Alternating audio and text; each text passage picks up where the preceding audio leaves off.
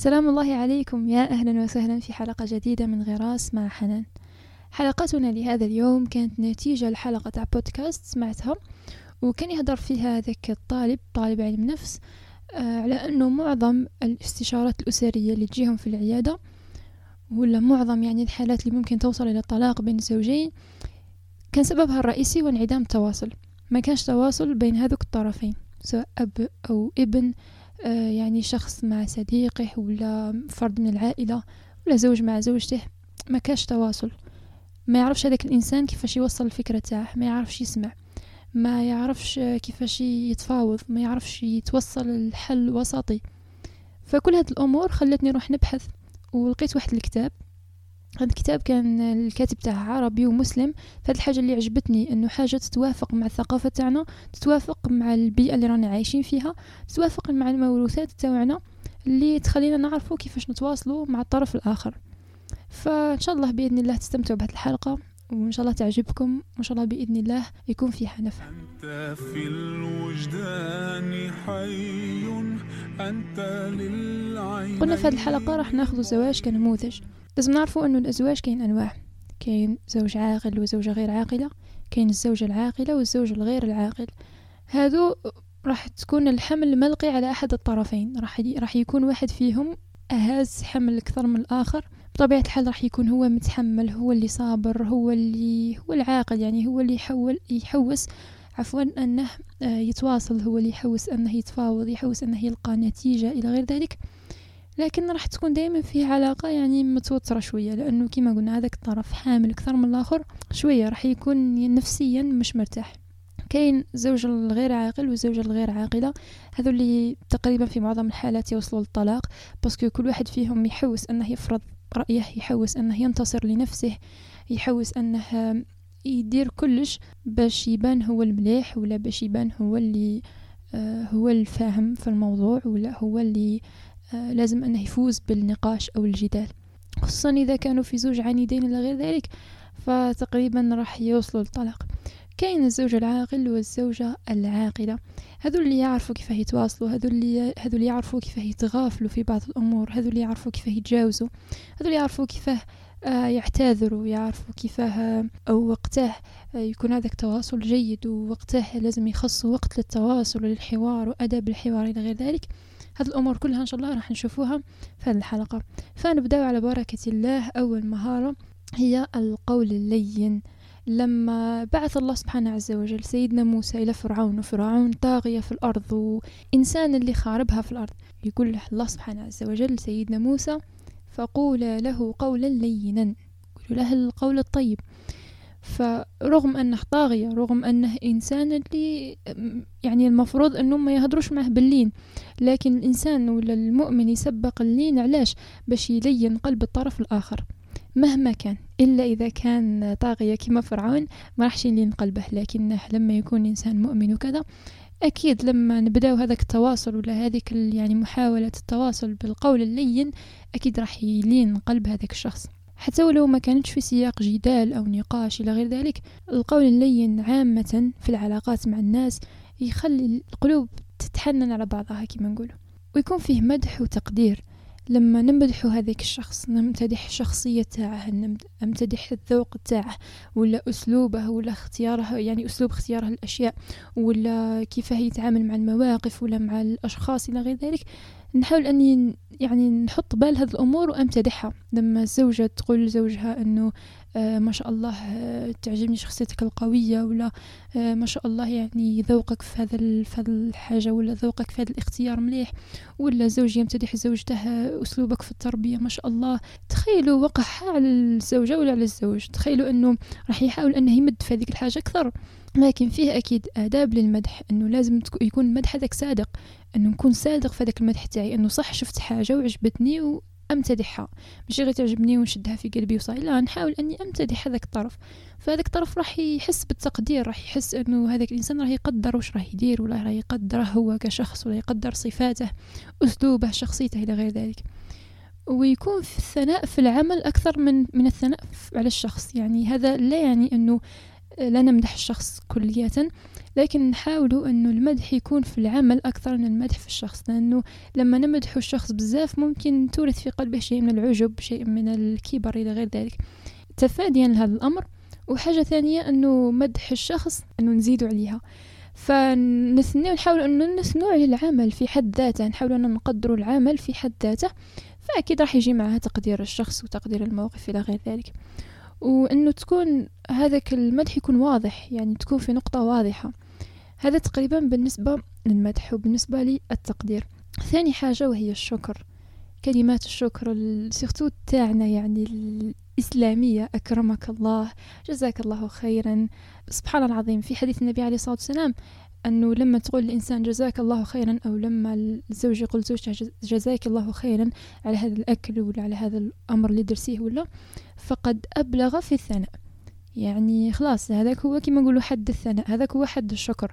أن تقول لإنسان جزاك الله خيرا. فتخيلوا أنه أنه يسمع زوج من زوجته أو زوجة تسمع من زوجها جزاك الله خيرا على هذا الأكل اللي وجدتيه ولا أكرمك الله على هذا القضيان اللي قضيتها لنا اليوم إلى غير ذلك. ممكن تبان بسيطة لكن أكيد وقعها على الطرف الثاني راح يكون كبير. ثالث حاجة وهي الهدية. تهادوا تحابوا مش لازم تكون حاجة كبيرة ماشي؟ لازم تكون كل مرة هدية مادية. ممكن تكون معنوية ممكن تكون كلمة شكر ممكن تكون ابتسامة لطيفة ممكن تكون آه، حاجة بسيطة جدا يعني ولو قلم ولو آه، خاصة لو كان مثلا الزوج يعمل في أمور آه، تحتاج تخطيط تحتاج أي حاجة. وحتى ولو كانت الزوجة تدير تو ليست ولا تخدم هكا في الدار وتبغي تخطط وتكتب إلى ذلك ولو قلم. ولو قلم ويكون هكا مليان بالمشاعر وكذا راح تكون وقعها عظيم جدا وراح تأثر في هذيك المحبة. لأن الهدية هي غراس المحبة الصافية والآمنة. ومن آداب التهادي أنه لما يمد إنسان الإنسان واحد آخر هدية أن تكون مناسبة لذوقه أنه تكون تكون هدية يعني ما نخلوش فيها الثمن أكيد باش نروح نبين للشخص الآخر بلي شريناها بثمن غالي إلى غير ذلك. لا وحتى إذا سقسنا على على الثمن ما نحاول أنه ما نجاوبوش. حتى ولو كانت ثمنها زهيد ما يقولش بلي آه هذا واش استخسروا فيا. ولو كان ثمنها غالي ما نبانوش أن رانا نكابروا انه نتكبروا ونمنوا على هذاك الشخص. لا انه ما نقولوا لهش ما الثمن تاع هذيك الحاجة. من باب انه يكون وقعها يعني يأثر فيه الهدية في حد ذاتها أكثر من ثمنها إلى غير ذلك. وأنه ثاني يعني تكون في أوقات مناسبة يعني أوقات اللي ما تكونش مبالغ في التهادي وما يكونش فيه نقص ولا إجحاف في التهادي. يعني تكون في أوقات مناسبة إلى غير ذلك. الشيء الثاني هو الاستماع الجيد أن الإنسان يكون مستمع جيد. دائما هذوك العلماء آه، تاع النفس يعني هكا الناس اللي يهضروا على تطوير الذات إلى غير ذلك يقولك باللي باش تكون متكلم جيد لازم تكون مستمع جيد. ولنا في رسول الله أسوة حسنة لما جاء أبي الوليد وقال له إذا راك مسحق مال يعني بغاه أنه يتراجع على الديانة أو الدعوة يعني للدين الإسلامي. فقال له إذا بغيت مال نمدولك وإذا باغي شرف يعني إذا باغي شرف أو ملك إلى غير ذلك نوكلوك علينا. وإذا راك مكره وهذا اللي راه يجيك يعني من العالم الآخر إلى غير ذلك. فقلنا ندك كاش طبيب ولا راقي إلى غير ذلك. النبي عليه الصلاة والسلام في وسط هذا كله كان مستمع جيد كان يستمع كان يسمع يسمع يسمع. ما بغاش يقاطعه في الحديث ما بغاش يشوش عليه. ما بغاش يقول له كيف راك جايني؟ ولا كيف راك تقولي في الهضرة؟ إلى غير ذلك. ما خلى حتى كمل هضرته إلى الآخر. من بعد تلا عليه آيات من القرآن الكريم وخرج من عنده أبي الوليد مستعجب مستعجب لدرجة أنه قريش اللي رسلاته قالت لهم شوفوا أبو الوليد دخل بغير خرج بغير الوجه الذي دخل به. أثر فيه قول النبي عليه الصلاة والسلام كان فيه آداب للاستماع. فهذا هذا هو وش ينجم أنه الإنسان يستهدي من من موقف النبي عليه الصلاة والسلام أنه يكون مستمع جيد مهما كان هذاك الإنسان جايك بحجج ولا ذاك الإنسان كما نقولوا حنايا ذيك الهضرة ديجا تعرفها ولا الإنسان يكون مستمع جيد يحوس أنه يسمع للطرف الآخر حتى يكمل هضرته ما يقاطعش ما يشوش عليه آه يركز مع هضرته مليح يبدي اهتمام بما يقوله الطرف الآخر. إلى غير ذلك كي يكمل هضرته كاع يحاوس أنه يرد بالتي هي أحسن كما نقولوا حنايا. يحاول أنه يقنعه بحججه بلا ما يقعد هكا يقاطع فيه ولا يحوس أنه ما يسمعش ولا يدير في les gestes اللي توحي باللي أزعجتني يعني أزعجني كلامك ولا مديرونجاتني هضرتك إلى غير ذلك. لا الإنسان يحوس أنه يسمع مليح. الاستماع الجيد راح يخلي هذيك العلاقة تتحسن بإذن الله تعالى. هنا تدخل لنا البادي لانجويج ولا لغة الجسد. كما قال لك الإنسان يحط روحه في بلاصة الناس. نتخيلوا أنفسنا أن نتحاوروا مع إنسان ولا نتجادلوا معه ولا مهما كان نتواصلوا مع إنسان آخر. مثلا أنا صديقتي نجي نحكي لها اليوم حكاية ولا نجي نحكي لها على على بودكاست سمعته ولا نجي نحكي لها على كتاب قريته إلى غير ذلك. ايا ونلاحظ بلي هذيك الإنسانة راها مثلا حاطة رجل فوق رجل وقاعدة تلعب أصابعها ولا ما رايش معيرتني اهتمام كلية. هي ما قالت ليش بلي ما راهاش مهتمة بالموضوع لكن لغة الجسد أو يعني الطريقة وهذوك الإيحاءات والإيماءات اللي يعني ال gestes هذوك اللي راها تدير فيهم راها توحي بلي لست مهتمة بالموضوع لست مهتمة بكلامك. نفس الشيء بالنسبة للناس إحنا كي نقعدوا هكا الناس يهضروا إحنا نديروا في ليجاس ولا نشوفوا في سوايعنا ولا آه نشو نكثر يعني الالتفات وكذا.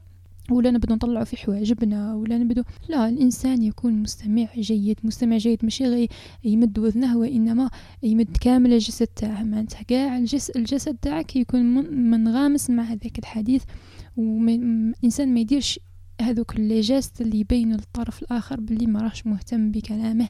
حتى ولو كان هذاك الأمر تافه معليش نسمع لهذاك الطرف نشوفوا وش راه باغي يقول هذاك الطرف ومن بعد نحكموا على تفاهة هذاك الأمر ولا على خطئه ولا على جماله ولا أي حاجة. المهارة الموالية وهي مهارة الترويض. نظن أنه أغلبكم سمع هذه القصة لما كانت امرأة تشتكي آه، أنه زوجها دائما يعني ما يعاملهاش مليح إلى غير ذلك. فدلوها على حكيم. قالوا لها روحي عند فلان واحكي له وشوفي وش يقول لك. فراحت عند هذاك الحكيم وقالت له زوجي وكذا وما يعاملنيش مليح إلى غير ذلك. قالها شوفي قالها روحي عند أسد وجيبي لي ثلاث شعرات من هذاك الأسد. راحت وحوست على اسد ولقاتها إلى غير ذلك وتبعاته حتى وصلت لواحد النهار وين ألفها هذاك الأسد ووالفها كما نقولوا حنايا. وراحت يعني بدات تربت عليه حتى وين نحات هذوك ثلاث شعرات. داتهم لهذاك الحكيم. فسألها الحكيم قال لها الأسد قدرتي تروضيه وزوجك ما تقدرش تروضيه. فهذه المهارة هي مهارة الترويض هي مهارة تأليف القلوب هي مهارة أنه حتى ولو كان هذاك الإنسان متهجم أو مش متهجم بالمعنى الحرفي أنه حتى لو كان هذاك الإنسان عصبي إلى غير ذلك يحاول طرف آخر أنه يروضه قليلا. يعني زعما ما يشعلش معاه كيما نقولوا إحنا ما يزيدش معاه في الهضرة ما يزيدش معاه في لي جيست ما يزيدش معاه بالنظرات اللي مش مليحة ما يزيدش معاه في أي حاجة اللي ممكن تشعل هذيك هذيك النار وتزيد تشعلها. لا الإنسان يكون عنده هذه المهارة مهارة الترويض إنه غير بشويه ويتحل هذاك الأمر وغير بشوية ويهدى هذاك الإنسان إلى غير ذلك. وسيدنا علي بن أبي طالب يقول لك القلوب وحشية فمن تألفها أقبلت عليه. القلوب هكا جاية يعني جاية وحشية يعني شفتوا الوحش عنده دائما هذيك القابلية للهجوم. فمن تألفها أقبلت عليه. يعني الإنسان اللي يعرف كيف يتعامل معه إلى غير ذلك أقبلت عليه ويعني ويهدى هذاك الوحشية هذيك تهدى. المهارة الموالية وهي التغافل. الإنسان لازم يعرف وقتاش يتغافل على بعض الأمور ولا وقتاش يتغاضى على بعض الأمور. أسوأ علاقة ممكن أنها, أنها تجمعك بالطرف الآخر. إذا كان هذاك الطرف كل حاجة يدير عليها لا غومارك كيما نقولوا حنا كل حاجة يدير عليها ملاحظة. كل حاجة لازم آه هاد الحاجة مش مليحة. آه هاد الحاجة على راه دايرة كيما هاك. هاد الحاجة على تحطت كيما هاك. كاين واحد الفن يقولها فن التغافل لأنه ماشي لازم كل حاجة نوقف عندها ماشي لازم هكا نضر نفسي أكثر من أني نضر الناس. كل حاجة نوقف عندها وكل حاجة آه، من كل كيما نقولوا حنايا حبة نديرو قبة من كل حاجة نديرو مشكلة. لا الإنسان لازم يتغافل على بعض الأمور. أسأل نفسي إذا وقعت في موقف آه، سواء يعني زوجة مع زوجها أو زوجة مع زوجته أسأل نفسي هل هذا الأمر يستحق مني التهويل ولا لا؟ هل إذا تغافلت وش راح يصرى وإذا هولت الأمر وش راح يصرى مثلا تكون مثلا هذاك الزوج يدخل البيت تكون الزوجة يعني مشغولة بإعداد الغداء يعني مازال ما كملتش. فهو يكون جيعان ويجي ويسقسي نفسه.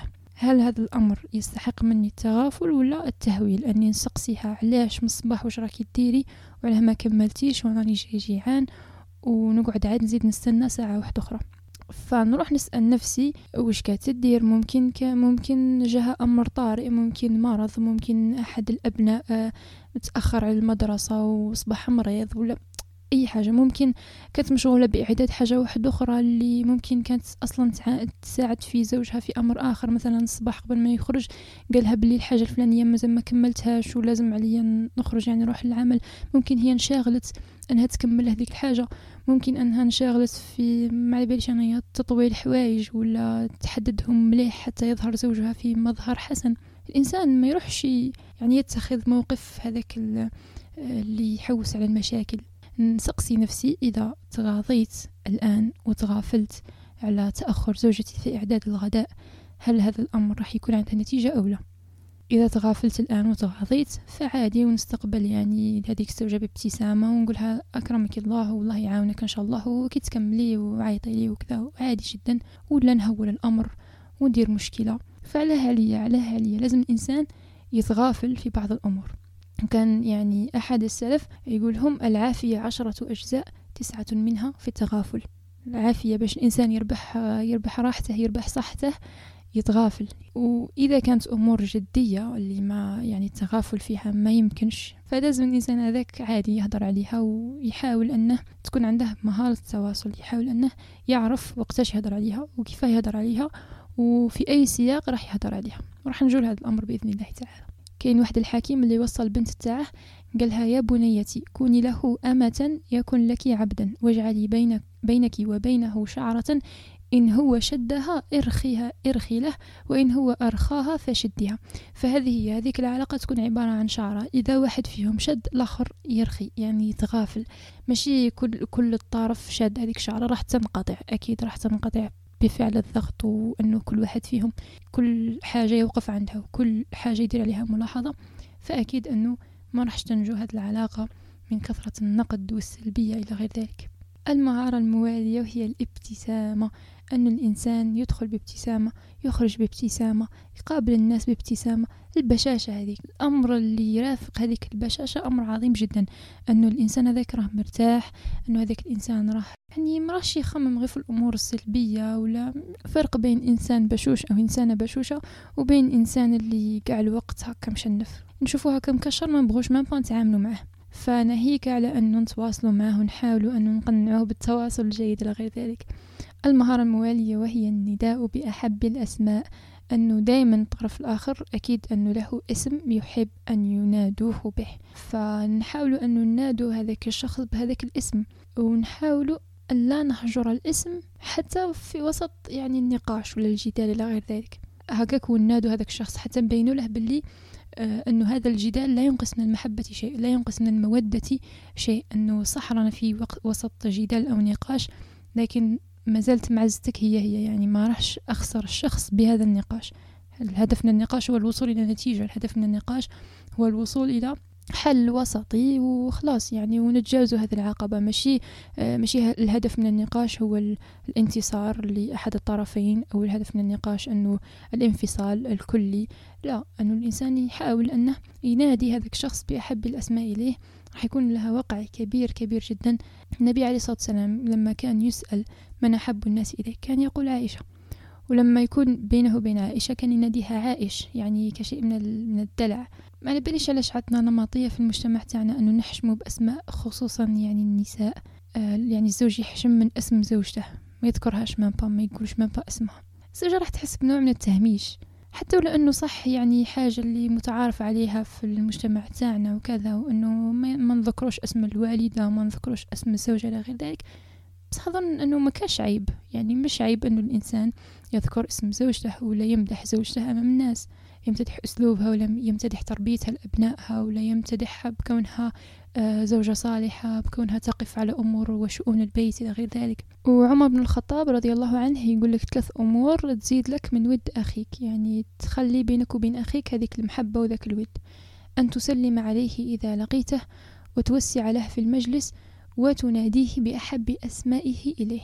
هذه الأمور اللي ترفع بينك وبين أخيك إنسان لك تتعامل معه ترفع بيناتكم هذيك المودة. من بينها أن تناديه بأحب الأسماء إليه. إنسان يبغي يبغي الناس تسقي أبو عمر ولا فلانة تبغي يزكولها أم مصعب ولا. فنحاول أنه ننادوها بهذاك الاسم اللي تبغيه حتى أنه تكون بيناتنا مودة تكون بيناتنا يعني شيء من, من اللين شيء من الصفاء في هذيك العلاقة. المهارة الموالية وهي الاعتراف بالخطأ وقبول الاعتذار. الإنسان لما يحس أنه أخطأ في في حق الطرف الآخر يحوس أنه يعترف بخطئه يحوس أنه يبادر لأنه مرات يكون فيه نفور يكون فيه يعني لما يحدث خطأ من أحد الطرفين الطرف الآخر غالبا يعني في كل الحالات تقريبا يبغي أنه يسبع الاعتراف بالخطأ. مش فقط كلمة سمح لي ولا سمحي لي إلى غير ذلك لا اعتراف بالخطأ أنه درت هاد الحاجة وهاد الحاجة وعلى بالي بلي غالطة وإن شاء الله ما تزيش تتعاود ولا إن شاء الله نحاول نصححها وخلاص. الإنسان هذا يعني ما يكونش مكابر ما يكونش فيه فيه شيء من الكبر إنه أنا وأنا وعلاش نهبط نيفي ونروح نعتذر ونروح نعترف بخطأ. إلا عادي الإنسان يعترف بخطأه ويعتذر وفي نفس الوقت الطرف الثاني يقبل العذر. الطرف الثاني ثاني ما يتكبرش ويقعد يقول لا وكيفاه وغلطت معايا وكذا وغلطة هذه ولا تغتفر إلى غير ذلك. ما كاش كاع غلطة لا تغتفر. حتى الله سبحانه عز وجل ويغفر لعباده كل شيء إلا أن يشركوا به. يغفر الذنوب جميعا. والله سبحانه عز وجل يحب أن, أن يصفح يعني الناس لبعضهم حتى يصفح الله عنهم. فإذا كنت تريد أن يصفح الله عنك فاصفح عن الناس. فالإنسان ثاني يتقبل العذر. جاك إنسان منكسر. هو déjà راه عارف باللي غلط معك. هو déjà غير ديك الحرقة تاع الانكسار راه بزاف عليه. فالإنسان ما يزيدش يكابر خلاص يعني يقبل العذر. شاف تكرار الخطأ من هذاك الشخص ويعني وزاد تعنت وزاد تكرر الخطأ فهنا يكون فيه شيء من العقاب اليسير يعني يحاول أنه يعاقبه بطريقة اللي اللي كيما نقول حنا دريه بلي ذاك راه خطأ وما لازمش يتعاود ورب اللي راه تعاود وراني سمحتك المرة الأولى وراك عاودتها المرة الثانية. إذا كان فيه تعنت كبير كبير بزاف فخلاص هنايا يكون فيه هجر إلى غير ذلك. لكن الإنسان لما تكون أول مرة يحاول أنه يقبل العذر. يحاول أنه يصفح عن الإنسان الآخر ولو أنها صعبة وخصوصا لما الناس تغلط في حقه كذا غير ذلك لكن يحوس أنه أو يحاول عذرا أنه يقبل العذر. المهارة الموالية وهي المشاركة والتعاون. الرجل عنده مسؤوليات والمرأة عندها مسؤوليات لكن كاين بعض الأمور اللي تقبل التشارك تكون مشتركة بين بين الرجل والمرأة. أنه مثلا شؤون البيت ولا أمور اللي هكا يعني تخطيط ولا مالية ولا كاع هذه الأمور ممكن أنها تكون مشتركة ويكون فيها تعاون. وكان فيه موقف لسعيد بن عامر. آه، في عهد خلافة عمر بن الخطاب كان كانوا بداو يتشكوا له من سعيد بن عامر. كان يقول له باللي راه يطول باش يخرج راح يطلع النهار عاد يخرج. يعني العمل إلى غير ذلك.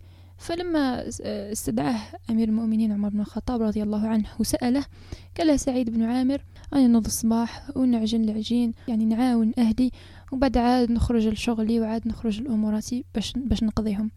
تخيلوا أنه هذاك الإنسان كان يدرك أنه أهله يحتاجوا معونة فكان يعاونهم وبعدها يخرج لشؤونه. هذا بالنسبة بالنسبة لسعيد بن عامر بالنسبة لكفة الرجال.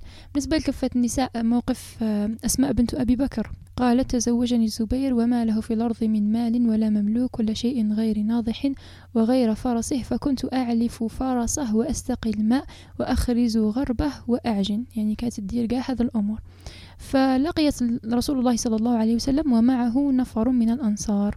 فدعاها الرسول عليه الصلاة والسلام قالها يعني باش باش يرفدها ليحمل ليحملني خلفه. يعني هي تقول فاستحيت أن أسير مع الرجال وذكرت الزبير وغيرته. وكان أغير الناس. فعرف رسول الله صلى الله عليه وسلم أنني قد استحيت فمضى فجئت الزبير فقلت لقيني رسول الله صلى الله عليه وسلم وعلى رأس النوى ومعه نفر من أصحابه. فأناخ لأركب فاستحيت منه وعرفت غيرتك. فتخيلوا أنه هي كانت تعاون زوج تاعها وكانت كانت تعلف فرسها إلى غير ذلك كانت تقول بلي كنت اعلف فرسها إلى غير ذلك. ورفدت هذاك النوى رفدت النوى هذاك النوى فوق رأسها. فلقيت النبي عليه الصلاة والسلام النبي عليه الصلاة والسلام لما شافها رافدة وكان مع الأنصار كان بغي يركبها باش يخفف عليها هذاك الحمل. فأول حاجة قالت لهم استحيت من قالت للزبير يعني زوجها قالت له استحيت من الرسول عليه الصلاة والسلام. وثاني حاجة آه قالت له ذكرت غيرتك. فكرت باللي باللي صغير يعني لو كان نركب وكذا والأنصار تفكرت غيرة زوجها. فتخيلوا موقف زوجها يعني زبير وش قال لها؟ والله لحملك النوى كان أشد علي من ركوبك معه. يعني لو ركبتي ومع غيرتي وكلش والأمر هذا شديد عليا بصح حملك النوى أشد علي يعني ما بغاش أنها ترفد فهذا شيء من من المعونة. فوش قالت حتى أكمل الحديث وش قالت أسماء بنت أبي بكر رضي الله عنها؟ حتى أرسل إلي أبو بكر بعد ذلك بخادم تكفيني سياسة الفرس فكأنما أعتقني. فسبحان الله العظيم أنه هذا الموقف يبين لنا أنه كيف أنه سعيد بن عامر وكيف أنه أسماء بنت أبي بكر والزبير كان في كل كل واحد منهم يحاوس أنه يعاون الطرف الآخر يحاوس أنه يشارك الطرف الآخر في أموره يحاوس أنه يخفف عليه. ومن نفس كربة على أخيه في هذه الدنيا نفس الله عليه كربة من كرب يوم القيامة. فما بالك إذا كان هذاك الإنسان هو زوجك أو زوجتك؟ ونفست عليه هذيك الكربة يعني قللت عليه هم ولا قللت عليه مسؤولية كبيرة اللي كانت تحتاج جهد ووقت وإلى غير ذلك؟ تخيلوا الأجر العظيم اللي تلقاه عند الله سبحانه عز وجل وتخيلوا الوقع على نفس الطرف الآخر. الأمر الموالي هو الاهتمام. أن أشعر الطرف الآخر بلي راني مهتم. كما قلنا نسمع له نحوس على اهتماماته. يعني هكا الأمور البسيطة اللي ممكن مثلا مثلا الزوجة هذيك فبلي تبغي هاد الحاجة الفلانية نحسها بشيء من الاهتمام. أني أهتم لاهتمامات الطرف الآخر.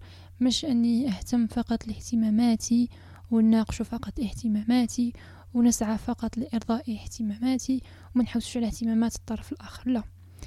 ثاني أنه نحترم طبيعة الطرف الآخر. المرأة مرأة والرجل رجل وطبيعة المرأة تختلف عن طبيعة الرجل. طبيعة الرجل تختلف عن طبيعة المرأة. المرأة بطبعها تبغي اللي يسمع لها تبغي تهدر. أحترم طبيعة الطرف الآخر بكل بساطة. المهارة الموالية هي احترام الأهل والبر بهم. ممكن طرف كبير اللي أثر في هذيك العلاقة الزوجية أو الأسرية يعني نحكو على العلاقة الزوجية هي الاهتمام بالأهل. ممكن خمسين بالمئة من المشاكل تكون سببها يعني الأهل. أهل الزوج أو أهل الزوجة. فنحاول أن أكسب ودهم نحاول أنه يعني الطرفين زوج أو زوجة طرفين يحاولوا أنهم مثلا يخصوا أيام لزيارة الأهل والبر بهم يحاولوا أنهم يخصوا ميزانية باش يديروها لهم مثلا هدايا إلى غير ذلك يحاولوا أنهم يحنوا القلوب على بعضهم حتى ولو كان في خلاف أو جدال بين الزوجين ما يبينوش للأهل.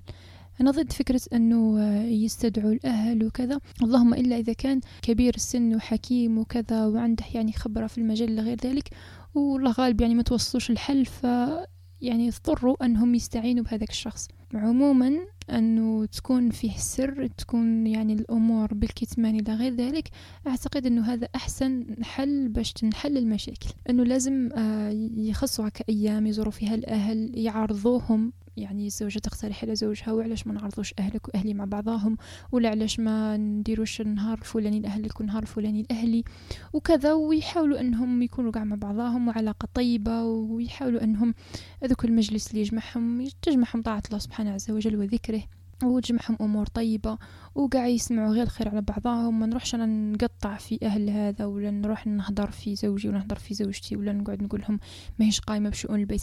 حتى ولو ما كانش قايمة بشؤون البيت الهدف من هذه الحلقة أنه نعرفوا كيفاش نتواصلوا. فنروح نريح معها ونهضر معها قال ودي يا فلانة ها مسؤولياتك وهذه مسؤولياتي ونقسم بيناتنا ذوك المسؤوليات وها ما أطلبه منك وها ما تحتاجينه مني وإذا كنت أنا مقصرة معك ثاني قولي لي وإذا أنت راكي مقصرة معايا هاف راكي مقصره إلى غير ذلك. فنكون واضح تكون الرؤية واضحة تكون الأمر واضح باش نوصلوا الحل واضح. بصح أني نروح نهضر في هذاك الطرف الآخر عند الناس نروح نهضر معه هو ونخبره هو ونتفاهم معه هو باسكو أصلا المشكلة قائمة عليه هو. تسمى الحل لازم يكون معه هو ما نروحش أنا نهضر آه عند الناس الآخرين. نفسد هذيك النظرة لهذاك الشخص. ما لازمش يكون هذا الأمر. الإنسان إذا كان ما يبغيهاش على روحه ما, ما يبغيهاش على الناس. ماشي أنت قدام الناس تبغي الناس يمدحوك ويقولوا فيك الأمور المليحة وكاع لكن أنت تروح تذم الناس وتروح يعني تحضر فيهم إلى غير ذلك لا ما لازمش يكون هذا الأمر. آه، الحاجة الموالية ممكن أنه آه، نهضروا على المزاح والمرح يعني أنه يكون في الجو سائد هذاك الجو تاع المرح. الجو تاع المزاح اللي ما يكونش ثقيل المزاح اللي ما يكونش مبالغ فيه اللي ما يكونش فيه استنقاص من الطرف الآخر. كاين فرق ما بين أنه تمزح مع الشخص وما بين أنك تكسر خاطرة ولا تسخر منه. فوالا كاين فرق ما بين المزاح والسخرية. فالإنسان هذاك ما ما يحاولش أنه يغطي السم بالعسل. لا يحوس أنه المزاح تاعه يكون صادق بهدف يعني تجديد العلاقة بهدف أنه يمرحوا يضحكوك إلى غير ذلك. وما يكونش فيه يعني تعدي على الطرف الآخر ولا أذية لا بالقول ولا بالفعل. الإنسان يكون معتدل في هذه الأمور ما يكونش يعني ما يزيدش عليها بزاف. فهذه هي يكون فيها جو تاع مرح يكون فيها جو تاع ابتسام جو تاع لين إلى غير ذلك. وثاني انه الإنسان لما لما هذيك الزوجه تكون في البيت وتخدم امورها إلى غير ذلك ومن بعد يجي زوجها تحسن استقباله. فيها شيء من الكلام الحسن. وفي التوديع كذلك. التوديع ثاني يعني أستودعك الله والله يحفظك والدعاء لهم يعني وتدعي لهم انه ربي يحفظهم في حفظه ورعايته. كاش حاجة كاش ما يحتاجوا تشوف كاش ما يحتاجوا كاش ما نساو ثاني تفكرهم. يعني الإنسان أنه يحسن استقبال هذاك الشخص ويحسن آه، توديعه. حتى هذاك الشخص في حد ذاته تخلي فيه أثر يولي كي يروح فرحان ما يروحش ما يخرج زعفان ولا يخرج مكشر يعرف بلي كاين جو تاع هدوء تاع تاع ابتسامة تاع كلمة طيبة يعني حتى ولو كان في عمله ولا آه مثلا بنت في أهل بيتها ولا غير ذلك يكون يعني ولا في بيت أهلها عفوا آه يكون جو يعني مش مليح ولا جو تاع مشاكل ولا غير ذلك تكون وين وين هكا تولي لدارها باش تلقى هذاك الجو تاع المرح وكذا والكلمة الطيبة إلى غير ذلك. الأمر الموالي وهو تذليل الصعاب. أكيد راح يكون فيه صعاب أكيد راح يكون فيه أمور اللي مش مش لازم يكون عندها علاقة بالزوجين مع بعضهم. يعني مشاكل عمل آه، مشاكل تاع أولاد مشاكل تاع كذا مشاكل تاع أهل. يعني أمور حتى إذا كانت العلاقة بيناتهم طيبة لكن آه، ممكن تجي أمور كما نقولوا إحنا فوق طاقتهم يعني. فهاد الأمور من المستحسن انه نتعامل معها بمبدأ تذليل الصعاب. النبي عليه الصلاة والسلام لما نزل من غار حراء وكان هذاك الأمر الشديد عليه وكان يعني لما قال النبي عليه الصلاة والسلام مالي يعني وش بيا؟ فكان جواب سيدتنا خديجة رضي الله عنها كلا والله لن يخزيك الله أبدا. شغل حاولت أنها تنقص من هول هذاك الموقف حاولت أنها تذلل هذوك الصعاب. هي على بالها بلي هذاك الأمر وقعه كبير وعلى بالها شدة الأمر وعلى بالها بلي زوجها نبينا الكريم راه خائف إلى غير ذلك. وش قالت؟ كلا والله لن يخزيك الله أبدا. كانت ذكية في تعاملها مع الموقف أنه أنه نقصت من هاول ولا وقع الأمر على قلب النبي عليه الصلاة والسلام. وهكذا يكون الزوج وهكذا تكون الزوجة. أنه لما يكون فيه أمر ولا مشكلة ولا حاجة طارئة ما نروحش أنا نهول الأمر ونكبره. وكذا ولو كان لو كان درتي عليا في هدرتي كذا ما صراش كذا. ولو كان أنتي درتي عليا ما يصراش كيما هاك وكل شيء منك. ومن بعد يعود من مشكلة أكبر يولي فيه مشكل ثاني بين الزوجين. نزيدو نكبروا المشكل أكبر مما هو.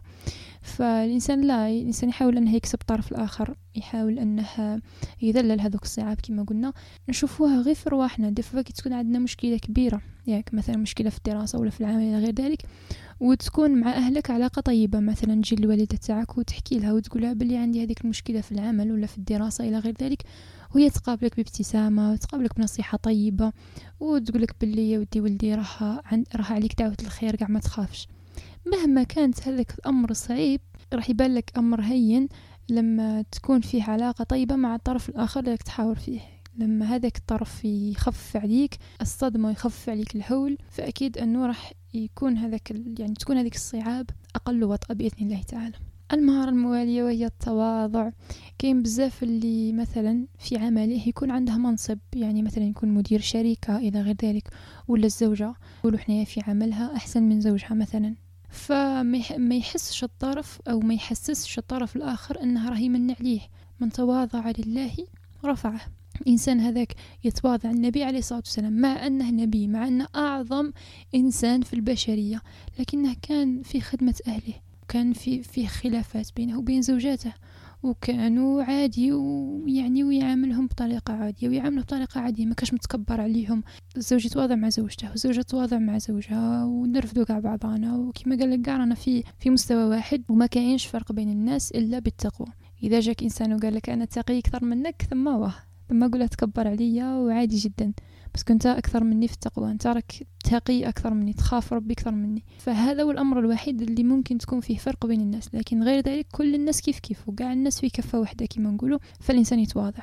يتواضع باش ما يحسش الطرف الآخر باللي راه يمن عليه باش ما يحسش الطرف الآخر باللي راه داير فيه الخير. كاين بزاف أزواج اللي كي يقضي يقضيان الدار وهذا الأمر من واجبه. هو تزوج لذلك هو يعلم أنه راح تكون فيه مسؤولية. يعلم أنه, أنه هو له القوامة قوامة الإنفاق وقوامة القيام بشؤون البيت إلى غير ذلك. فلما يروح يقضي قضيان ولا يجيب حاجة زيادة ولا يدير حاجة يدير في في باله باللي راه يمن عليهم راه يمن على أبنائه ولا يمن على زوجته إلى غير ذلك. فلازم الإنسان ما يدخلش بهذيك العقلية عقلية المتكبر عقلية الإنسان اللي هو يملك كل شيء أو هو اللي باغي ينتصر لنفسه أو هو باغي يكون الملك في هذه العلاقه العلاقة في كفتين. وهذوك الكفتين باش يكون فيه توازن لازم يكونوا كيف كيف. لازم يكونوا هذوك الكفتين في في كما نقول حنايا سطر واحد. ما لازمش كفة تطلع على كفة أو حمل يقع على طرف أكثر من الطرف الآخر وإلا راح تختل هذيك الكفة راح تختل كفة التوازن ما راحش يكون فيه توازن في العلاقة. فلازم أنه الإنسان يدخل بعقلية المتواضع عقلية أنه راني باغي نربح للعلاقة. مانيش باغي الربح لي أنا راني باغي الربح للعلاقة. فإذا كان كل إنسان يدخل ويخمم بهذه العقلية أنه الربح مش ليا الربح للعلاقة راح تدوم وراح تكون أبدية. يعني حرفيا إحنا في الدين تاعنا نآمنوا بلي هذه العلاقة أبدية لأنه زوجك في الدنيا بإذن الله تعالى راح يكون زوجك في الآخرة. معناها إذا كان إذا أحسنت صحبة هذاك الزوج أو الزوجة في الدنيا فما راح تخافوا من الفراق أبدا لأنه آه راح تتلاقوا إن شاء الله في الجنة بإذن الله تعالى. فأنا أحسن الاختيار وأحسن التعامل وأحسن يعني التغافل وكذا والأمور قاعد هدرنا عليها. يعني تكون فيه نتيجة مرضية وهي أني لن أفترق مع هذاك الإنسان إلى الأبد. يعني حرفيا خلود في الجنة بإذن الله تعالى. الأمر الموالي وهو الزينة.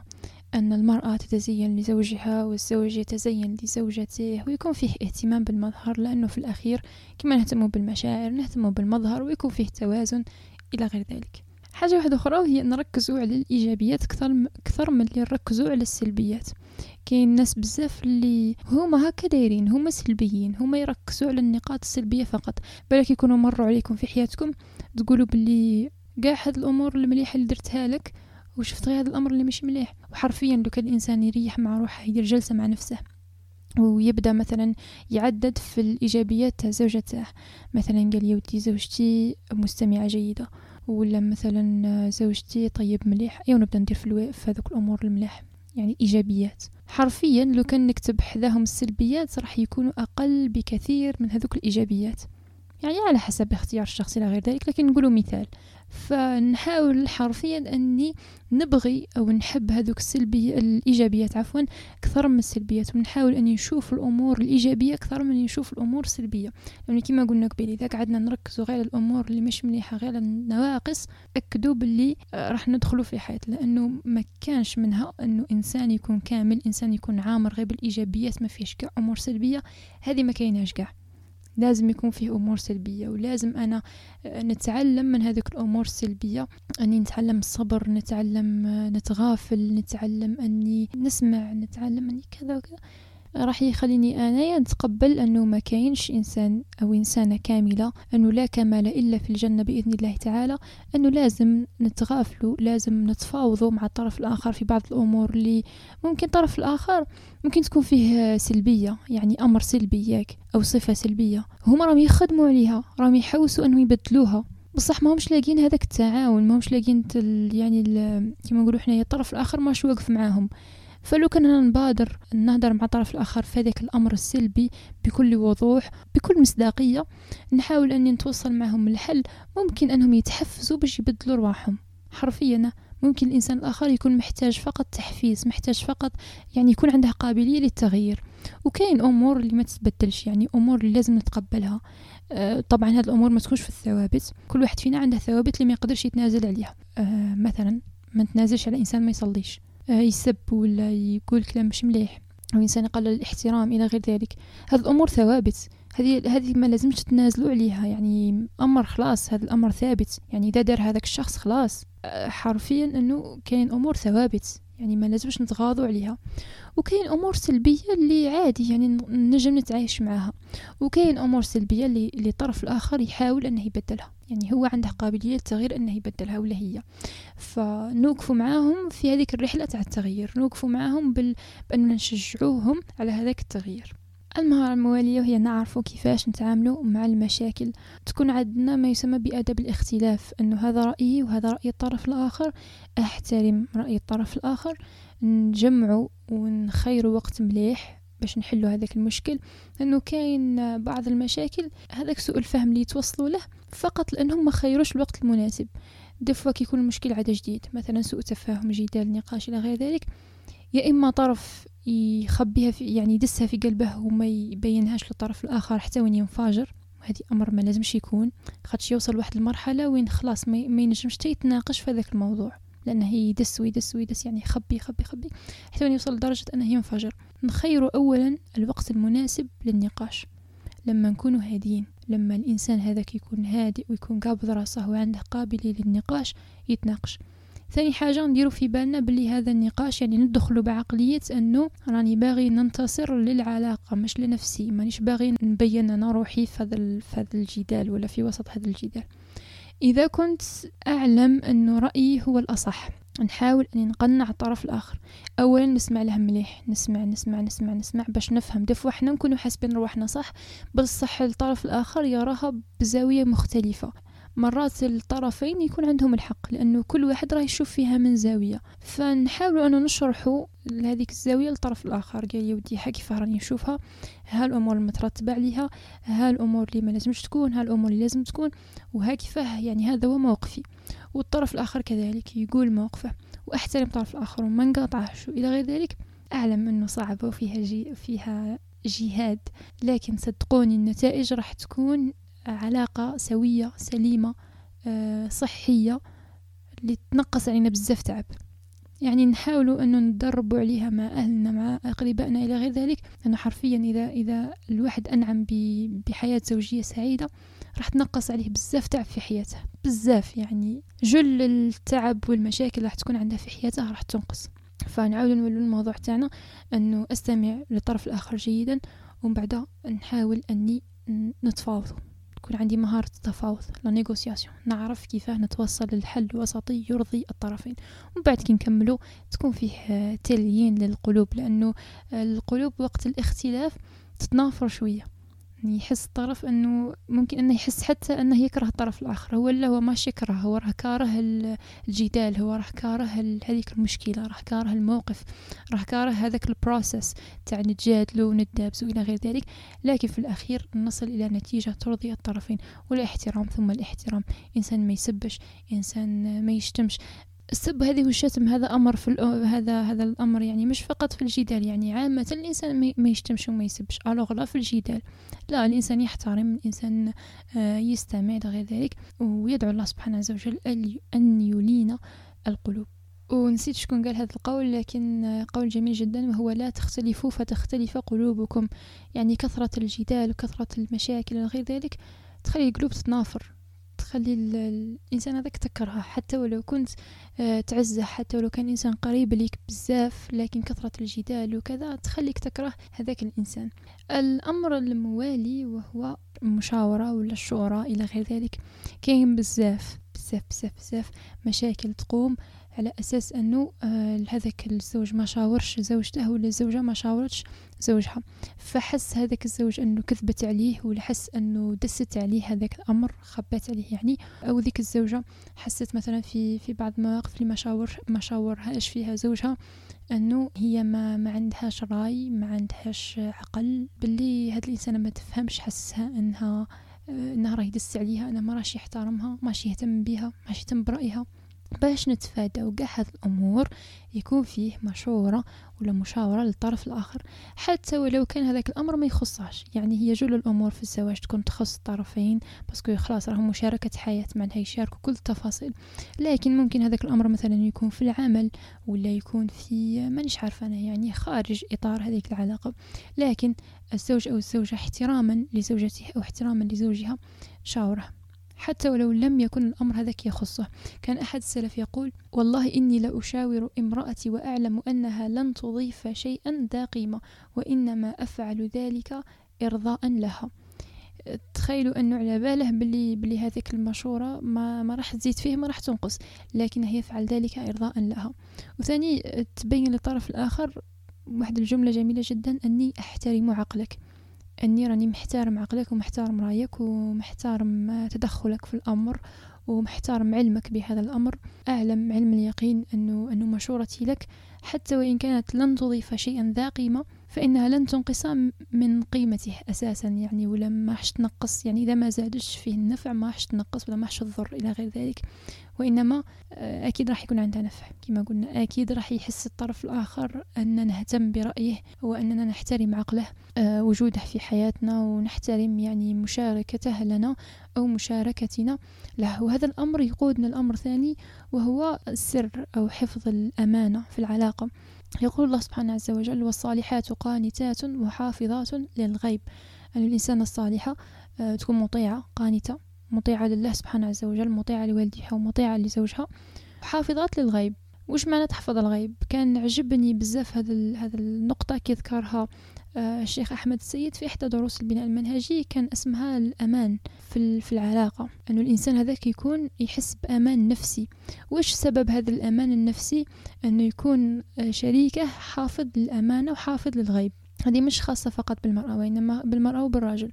لما أحسن الاختيار وأختار الشخص اللي يخاف ربي سبحانه ويحفظ الغيب ويحفظ الأمانة يحفظ الأمانة مش شرط الأمر يكون مادي. معناتها يكون مادي ومعنوي معناتها الزوج يأتمن زوجته على ماله وعرضه ونفسه إلى غير ذلك والزوجة تأتمن زوجها على كثير من الأمور. فكما قلنا يكون حافظ للغيب وحافظ للأمانة. حافظ للغيب معناتها لما تغيب الزوجة تاعه ولا لما هو يغيب يكون مرتاح البال إنه هذه الزوجة ما الزوجة هذه جات تخاف ربي. ولا الزوج هذاك اللي جاي يخاف ربي. فأكيد ما راحش يدير حاجة اللي تغضب ربي سبحانه فأكيد ما راحش يدير حاجة اللي مثلا يدس عليه ولا يدير حاجة من موراه ولا يخدعه إلى غير ذلك. هاد الأمور كاع ما راحش تكون لأنه هذاك الإنسان أصلا المحرك الأول تاعه اللي يخليه يتحرك هو خوف الله هو خشية الله. فإذا كان يخاف الله فصحيح. الإنسان هذاك يكون مرتاح. عجبتني بزاف كيفاش حفظ كيفاش ربط عفوا هذه الصفة اللي هي حافظ للغيب وحافظ للأمانة أو حافظة للغيب وحافظة للأمانة بالأمان النفسي. أنه صح الإنسان لما يكون مع إنسان حافظ للأمانة راح يكون مرتاح نفسيا. يعني حتى في الخلاف حتى في الجدال على باله بلي ذاك الإنسان ما راحش يخرج سره ما راحش يهضر فيه ما راحش يدير حاجة من موراه يعني دائما يشاوره دائما على بها قلت لكم عندها علاقة بالمشورة.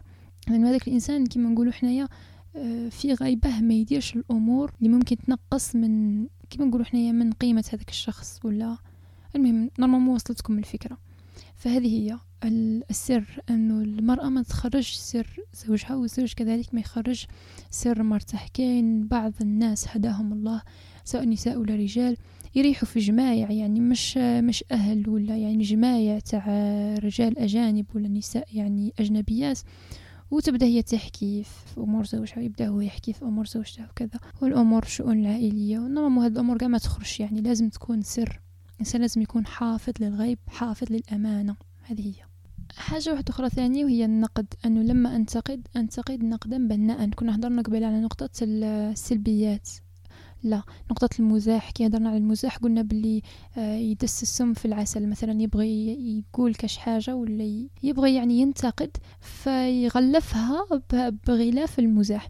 هي لا هي لازم الإنسان في النقد هذاك اللي راح يديره يكون نقد بناء يعرف باللي يستاهل. مثلا الزوجة آه، ما تديرش حاجة بطريقة معينة. هذاك الزوج راه يلاحظ راه كل مرة كل مرة يلاحظ بلي هذيك الأمر ما يندارش كيما هاك. يعني هو موش أمر اللي اللي يتغافل عنه. فهذاك الزوج يعرف كيفاش ينتقد بطريقة بناءة. يعرف كيفاش ينتقد في, وقت مناسب بطريقة مناسبة وبصورة مناسبة. أن الدين نصيحة. والإنسان هذاك يعرف كيف ينصح. ولا مثلا أمور تاع الدين. مثلا الزوج ما يتوضاش مليح ولا ما مانيش عارفة أنايا. الصلاة مثلا عنده خلل في صلاته إلى غير ذلك. ننصحه بطريقة هذاك الناقد اللي باغي يبين روحه بلي هو يعرف كلش. لا انتقد بطريقة بناءة طريقة متواضعة طريقة اللي آه، أسعى نبين للطرف الآخر أني نسعى ولا باغي باغيين له الخير. حاجة واحدة أخرى وهي النكد. هذا الأمر مش مليح يعني حتى بيننا بين رواحنا ماشي لازم الإنسان يكون كثير الشكوى لأنه كثرة الشكوى تخلي القلب ما, ما يقعدش قاع فيه الرضا. هذاك الرضا بقضاء الله وقدره والرضا بأمور الله والرضا بما أنعم الله سبحانه عز وجل علينا. كثرة الشكوى يرخصني ذيك خصني ذيك. هذه كثرة النظر إلى النقائص تخلي الإنسان ما يرضاش بوش عنده. صح يعني كاين فرق بين الطلب وبين الشكوى بين أن نطلب أمر اللي نحتاجه وكاين فرق بين كثرة التشكي. كاين اللي كل دقيقه خصنا هذيك وخصنا هذيك. المهم انه الإنسان يخدم عليها. هاد الأمور كاع تسحق جهاد. ما نقولوا باللي الإنسان يكون كامل في هاد الأمور كاع والإنسان يعرف يدير هاد المهارات كاع وحياته تكون وردية وكذا. لا يعرف يدير حاجة ما راحش يعرف يدير حاجة واحدة أخرى. والنبي عليه الصلاة والسلام يقول لك إذا كره منها خلقا رضي منها آخر. معناتها إذا ما كانتش مثلا مستمعة جيدة راح تكون يعني ماهيش نكدية ولا إذا كانت نكدية ولا كثيرة الشكوى لغير ذلك راح تكون بطرف يعني بالجهة المقابلة فيها صفة مليحة. الإنسان يحاول أنه يخدم على الصفات اللي مش مليحة. ما نقولوا أنه نكونوا كاملين ولا تكون العلاقة كاملة لكن نحاولوا أن نخدموا عليها. وما كاش نموذج زواج ناجح إلا إذا كان قائم على خشية الله إلا إذا كان قائم على آه وش جاء في كتاب الله سبحانه عز وجل وسنة نبيه. فإذا كان ذاك الإنسان يتبع ولا إذا صارت له مشكلة ولا حاجة يروح يحوس منهج النبي عليه الصلاة والسلام في التعامل مع هذا الأمر. إلا ويلقى حاجة في السيرة. إلا ويلقى هذاك الموقف تعرض له أحد الصحابة ولا ذاك الموقف تعرض له نبينا الكريم في حد ذاته. إلا ويلقى حاجة تدل عليها سواء في الكتاب الكتاب يعني كتاب الله سبحانه عز وجل أو في السنة. فدائما يرجع الأمور إلى الله سبحانه عز وجل يسأل الله سبحانه عز وجل اللين يسأل الله سبحانه عز وجل المعاملة. إذا كان إنسان كما نقول لك فيه أحد الصفات اللي مش مليحة وهو يحاول أنه يغيرها وما نجمش يغيرها يدعو الله في صلاته. يا ربي أنا في هذيك الصفه وما رانيش باغية هذه الصفة تأثر على علاقتي مستقبلا ولا مش باغي تأثر على علاقتي ضرورة كلها. يا ربي حنن قلبي ويا ربي كن معايا في هذه النقطة. يا ربي أعني على نفسي وسيجد المعونة من عند الله سبحانه عز وجل. فالإنسان يحاول أنه يكون في كلامه لين في تعامله مع الناس لين وطيب إلى غير ذلك. هذا الميثاق الغليظ ولا هذا عقدة النكاح سماها الله سبحانه وجل بعقدة. لأنه صح عقدة عقدة شديدة الربط. فإذا أحسن الاختيار وإذا كان كل شيء قائم على ما ما يرضاه الله سبحانه عز وجل وإذا كان فيه مجاهدة نفس ومحاولة أنه نحسنه من هذه العلاقة راح تكون في حياة طيبة في الدنيا وفي الآخرة. يعني كما قلنا أنه فيه أبدية. يعني اختيارك في الدنيا راح يستمر حتى الآخرة. حتى إذا فرقهم الموت راح يبقى ذكرهم الحسن راح يبقى آه، أثرهم الطيب. وراح يحاول أنه يستزيد بالعمل الصالح حتى يلحق بهم في الجنة بإذن الله تعالى. وتكون فيه ديمومة وتكون فيه أبدية. آه، الغراس هذا اللي كان طويل ويحتاج هضرة بزاف لكن إن شاء الله يكونوا فيه قاطع ثانية ويكونوا فيه حلقات ثانية نتعمقوا فيها أكثر في الموضوع. آه، أسأل الله سبحانه عز وجل أن يرزقنا صدق النية وصدق في القول والعمل. ونلتقي إن شاء الله تعالى في غراس الأسبوع القادم. والسلام عليكم ورحمة الله تعالى وبركاته.